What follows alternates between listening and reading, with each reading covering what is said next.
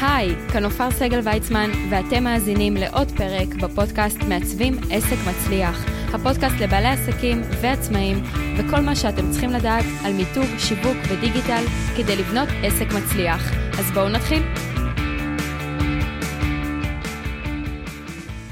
היי לכולם, כאן נופר סגל ויצמן. היום אנחנו בפינתנו, טוב ששאלת, שאלות שמגיעות מכם, המאזינים, שרציתם לשאול משהו, רציתם שאני אענה לכם על משהו, דילמה שאתם מתמודדים איתה, אתם יותר מוזמנים תמיד אה, לשלוח את השאלה שלכם בטופס שמופיע מתחת לפרק של טוב ששאלת, לשאול את השאלה שלכם, גם אם היא אנונימית לחלוטין, תמציאו שם מצידי, אה, רק שאני אדע את התחום עיסוק שלכם, כדי שתוכלו לקבל פה תשובה שמתאימה לכם. אז היום יש לנו שאלה של אודי. אודי הוא יועץ לכלכלת המשפחה, ואודי שואל: היי נופר, בשנה האחרונה התחילו להזמין אותי להרצאות בתחום כלכלת המשפחה ותכנון פיננסי. הרצאות באולמות ומתנסים וגם אונליין. הייתי בוובינר האחרון שלך, ואת בהחלט נותנת תחושה של מישהי שמנוסה בזה. האם יש לך טיפים להרצאה בפני קהל? טוב, אודי, יופי של שאלה, ואיזה כיף שהיית בוובינר האחרון שלי. ולפני שאני אתן לכם ככה טיפים למה עושים כשיש הרצאה, או איך להתכונן לזה, איזה הכנות אני עושה אה, לקראת זה, אני קודם רוצה להגיד לכם שזה משהו שהוא נרכש. אוקיי? אני לא הייתי ילדה עם ביטחון עצמי. אני יכולה להגיד לכם אפילו שבגיל 12-13 הייתי מאוד חסרת ביטחון, אה, מאלה שעשו עליהם חרם, ו- וכאילו אף אחד לא רצה להיות חבר שלהם, כזה. אחרי שיצאתי מתקופת החרם הזו וקיבלתי את הביטחון שלי, היה לי יעד, היה לי ממש יעד בגיל 15, אני בהלם אפילו שכאילו לפעמים אני מופתעת מעצמי. בגיל 15 אני החלטתי שחשוב לי לעמוד בפני קהל, חשוב לי לדעת לדבר בפני קהל, אה, לדעת להדריך, והדבר הראשון שעשיתי זה להתכונן אה, ולהגיש מועמדות להיות נציגת הכיתה במועצת תלמידים. נכון, עולה לכם עכשיו חיוך, אוי, איזה חמודה. נכון, גם לי עולה החיוך הזה כרגע, אבל ככה זה התחיל. אוקיי? הנאום הזה שאת צריכה לעשות בפני הכיתה שלך, אה, שיכול להיות שיצחקו עלייך, יכול להיות שיגחכו, יכול להיות שיעליבו, אבל אני יכולה לספר לכם שהכנתי את הנאום מראש, וזה הכלל ברזל לגבי הרצאות, לגבי מצגות. צריך להתכונן מראש, אוקיי? גם שחקן בתיאטרון הוא לא עולה פרי סטייל, גם סטנדאפיסט, לא משנה כמה הוא מאלתר, עדיין יש לו חומרים ויש לו flow של הרצאה או סטנדאפ. אז גולת הכותרת פה היא להתכונן. דבר ראשון, ככל שתתכוננו יותר, ככל שתעשו יותר חזרות, אתם תשתפשפו בזה יותר. אוקיי? הפעם הראשונה הזו שעמדתי מול כל הכיתה, היא לא הייתה פשוטה בכלל, אני רעדתי כולי, אני חושבת שאפילו הקול שלי רעד, אבל הייתי גאה בעצמי, כי ככה מתחילים. כולם בפעמים הראשונות, בכל דבר שתעשו בחיים שלכם, ככל הנראה אתם תעשו פדיחות. קחו את זה לתשומת לבכם. אני היום כבעלת הפודקאסט מעצבים עסק מצליח, אני לא מסוגלת לשמוע את הפרקים הראשונים שלי. מלוטשים מדי, אני נשמעת שם כזאת רצינית ומוגזמת, ו- ו- ולוקחת את זה בחשבון, ואני לא מעיזה לתקן אותם, כי זה חלק מהפלואו שבן אדם עובר בהתקדמות שלו, בהתפתחות שלו, וגם בתהליך השחרור, אוקיי? להיפתח, מה שנקרא. אז אודי, הדבר הראשון שאני רוצה קודם כל לשים על השולחן ולהרגיע אותך ואת כולכם, זה שזה לוקח לפעמים זמן. יש כאלה שזה בא להם בטבעיות ויש להם כריזמה, נכון, לא לכולם, אבל חשוב לי להרגיע אתכם שזה נרכש. ואם תתאמנו על זה מספיק, אתם יכולים להיות ממש מצוינים בזה. אז הדבר הראשון היא באמת להכין את המצגת, אוקיי? בכלל להבין, כמו שכתבת בשאלון, להבין האם ההרצאה הזו היא באולם, זאת אומרת שהיא פרונטלית, או שהיא אונליין. למה אני אומרת את זה? כי בדרך כלל באונליין המצגת היא העיקר ואתכם רואים פחות. נכון? זה בדרך כלל מה שקורה ב online, ב Zoom, בוובינארים וכדומה. לעומת זאת, כשההרצאה היא פרונטלית, אתם העיקר, והמצגת רק צריכה לתמוך בתוכן שאתם מעבירים. אז כבר יש פה הבדל בין כמה תוכן צריך להיות במצגת, שבמידה והוא באונליין, יכול להיות שצריך להיות יותר מידע וטקסט במצגת. לעומת כשאתם בפרונטלי. בפרונטלי אנחנו רוצים שיסתכלו בעיקר עליכם, שיראו אתכם מטיילים על הבמה, שיראו אתכם מדברים עם הידיים, אוקיי? והמצגת, מדי פעם שהעיניים של הצופים ילכו למצגת, אבל שיחזרו אליכם. הדבר האחרון שאתם רוצים שיקרה, זה שאנשים יתחילו לקרוא את כל הפסקה הארוכה שכתבתם בסך 100 מילים במצגת שלכם, ואז הבן אדם בכלל לא עסוק בלהקשיב לכם, הוא עסוק בלקרוא את כל מה שכתבתם שם. אז דבר אה, מאוד מאוד חשוב של לשים לב, המצגות לא צריכות להיות מפוצצות בשורות ומידע. גם אם אני הולכת להגיד לכם עכשיו מהו מיתוג, אני לא הולכת לכתוב את כל ההסבר הגדול של מהו מיתוג במצגת שלי. אולי אני אכתוב רק כותרת, מהו מיתוג, ואז הבן אדם, אוקיי, זה הצפייה במצגת תומכת בתוכן שהוא מאזין, באוזניים שלו. כשאני מדברת. אני יכולה לכתוב איזה פסקה, אפילו לא פסקה, אולי אפילו שורה אחת, גג שתיים.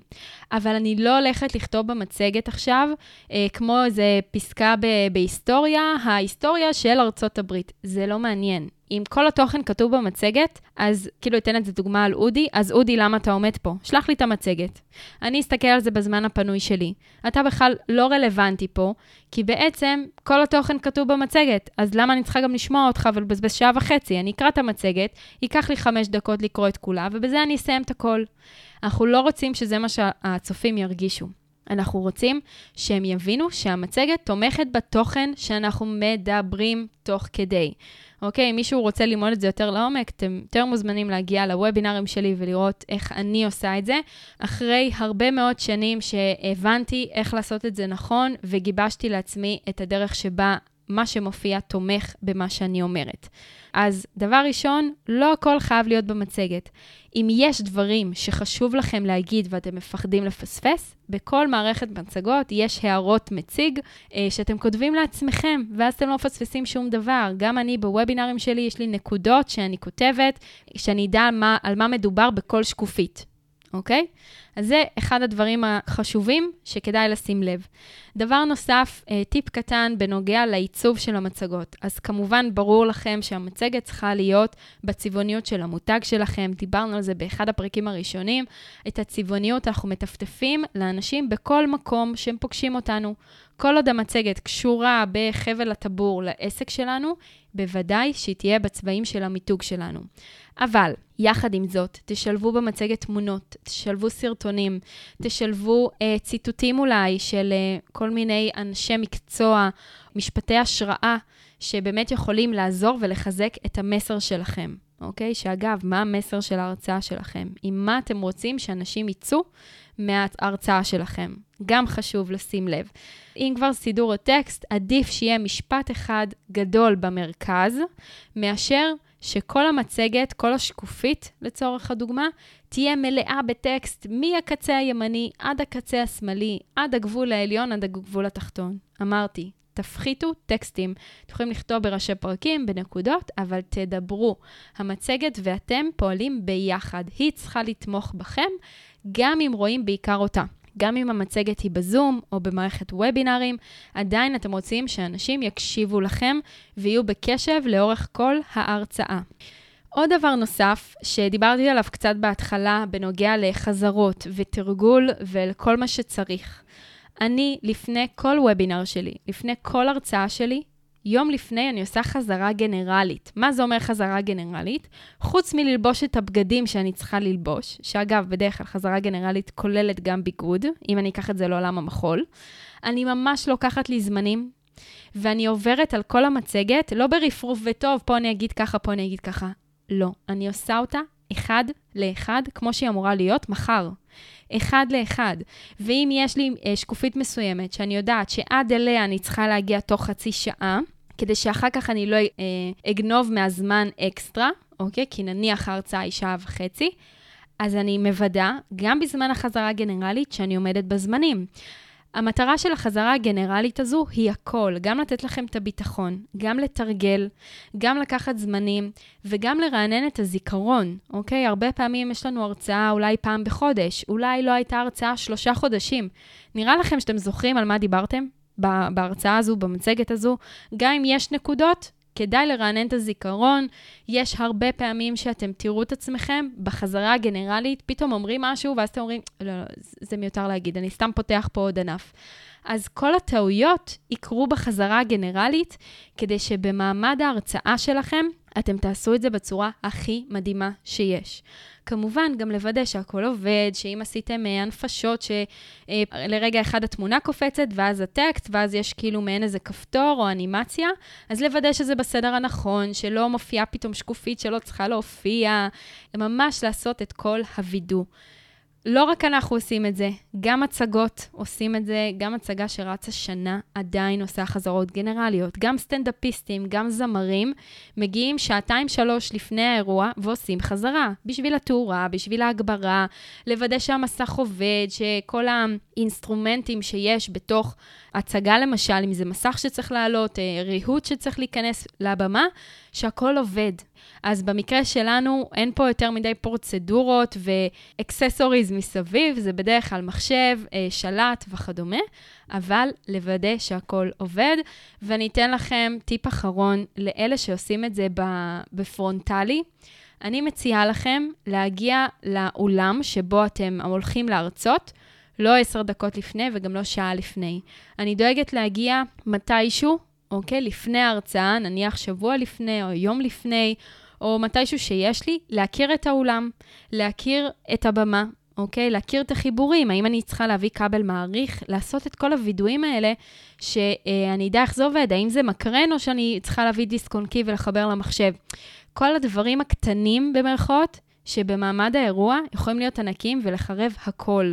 תבואו, תעשו, תבדקו שהכל עובד, תבדקו שהפונטים נמצאים, ששום קובץ לא יתפספס, שהכל עובד כמו שצריך. אוקיי? האם אתם מקבלים מיקרופון? אה, האם אתם מקבלים מדונה? האם אתם צריכים לדבר מעצמכם? כל הדברים האלה מאוד מאוד חשובים כשעומדים בפני קהל. וכל זה דיברתי, ועדיין אפילו לא הגעתי לדבר על איך עומדים בפני קהל, איך מדברים, אה, על כריזמה, על שימוש בידיים, על אה, לשמור את הצופים איתכם בקשב. אלו כבר דברים נפרדים, שאנחנו נגיע אליהם בהמשך בפרק נפרד. נגענו בזה קצת עם נועה. עם נועה גלאור, אם אתם זוכרים, דיברנו על טונציה והעברת מסר דרך הקול, יחד עם נועה גלאור בפרק 65. אתם יותר מוזמנים ללכת ולהזין לזה שוב, ולקחת משם טיפים שרלוונטיים למרצים ולהעביר הרצאות. אז אודי, אני ממש מקווה שקיבלת פה ככה כמה טיפים מאוד מאוד פרקטיים, שיעזרו לך אה, להעביר מצגת והרצאות, ושיהיה לך המון בהצלחה. אני מאוד אוהבת ללמד ולהעביר ידע. אני גם עוסקת בזה מן הסתם הרבה שנים, לא רק כאן בתחום של אה, מיתוג, שיווק ודיגיטל, שגם לזה מזמינים אותי להרצאות. כל מיני ארגונים של עסקים ועמותות וכדומה, אלא גם כי אני באה מרקע של מחול ואני אה, בעצם מורה לריקוד כבר יותר מעשור, אז אני כבר רגילה ויודעת איך לפשט מידע מורכב, אוקיי? לקחת מושג מורכב ולדעת לפשט אותו בצורה מאוד מאוד פשוטה וברורה, שגם אה, ילדה בת ארבע תבין מה עושים. אז אני ממליצה לכם לעשות חזרות, לתרגל, לדאוג שהמצגת שלכם מעניינת, שכמובן ממשיכה את הצבעוניות שלכם. את כל ההערות תכתבו בצד, את כל הפסקאות הארוכות שאתם חייבים להגיד אותן. אז גם לרשום לכם את זה בצד, אבל לא כל שנייה, אם זה פרונטלי, אוקיי? אם, אם ההרצאה שלכם היא פרונטלית, לא ללכת כל שנייה למסך מחשב ולהסתכל ולהגיד, רגע, רגע, יש פה איזה משפט שאני חייב להגיד. לא. אם המצגת שלכם, ההרצאה שלכם היא פרונטלית, אתם צריכים ללמוד את ההרצאה בעל פה. אתם יכולים קצת כרטיסיות, קצת שורות אה, סימנים שיעזרו לכם לזכור את הדברים, אבל אתם ממש משננים את זה כמו שחקן בתיאטרון שעומד עכשיו אה, במונולוג שעה וחצי. זה מה שצריך לעשות, אוקיי? זה נשמע מלחיץ? זה לא. ככל שתתרגלו, אתם כבר תדעו את זה בעל פה. אתם יודעים בדיוק מה קורה אחרי מה, ומה אתם אומרים מתי. אז אודי, תודה רבה על השאלה שלך, ולכם המאזינים, יש לכם עוד שאלות לפינתנו, טוב ששאלת. הבנק מתחיל להסתיים, אני חייבת לציין, אז קדימה, תשלחו את השאלות שלכם. שום שאלה פה היא לא אה, מיותרת, שום שאלה פה היא לא אה, מטומטמת, זה לא המצב בכלל. אין לכם מושג כמה לפעמים שאלה קטנה ופשוטה יכולה לעזור פה לכם ולהרבה עסקים כמוכם. אז אם יש לכם שאלה לפינתנו טוב ששאלת, תלחצו על הטופס שמצורף כאן לפרק, ופשוט תכתבו את השאלה. זה לוקח 20 שניות בלחץ, וללחוץ שלח. אה, זהו, אם אהבתם את הפרק, אז תלחצו subscribe או follow באפליקציה שבה אתם מאזינים, ואם אתם מאזינים בספוטיפיי, אז אני יותר מאשמח אם תדרגו את הפודקאסט כ-5 stars ותעזרו לעוד בעלי עסקים להיחשף לפודקאסט מעצבים עסק מצליח. אם אתם מכירים בעל עסק שחייב לשמוע את הפרק הזה, שהוא בדיוק לפני ההרצאה הראשונה שלו, או שוקל לעשות את זה, אז כמובן תשתפו אותו ותשלחו לו. ואם אתם רוצים לקבל עדכונים על הפרקים החדשים, ממש ברגע שהם יוצאים, אז אתם יכולים להצטרף לרשימת התפוצה של הפודקאסט, ותמיד תקבלו עדכונים למייל כשיוצא פרק חדש. כל הלינקים כאן מתחת לפרק. תודה רבה לכולם, נתראה בפרק הבא של מעצבים עסק מצליח.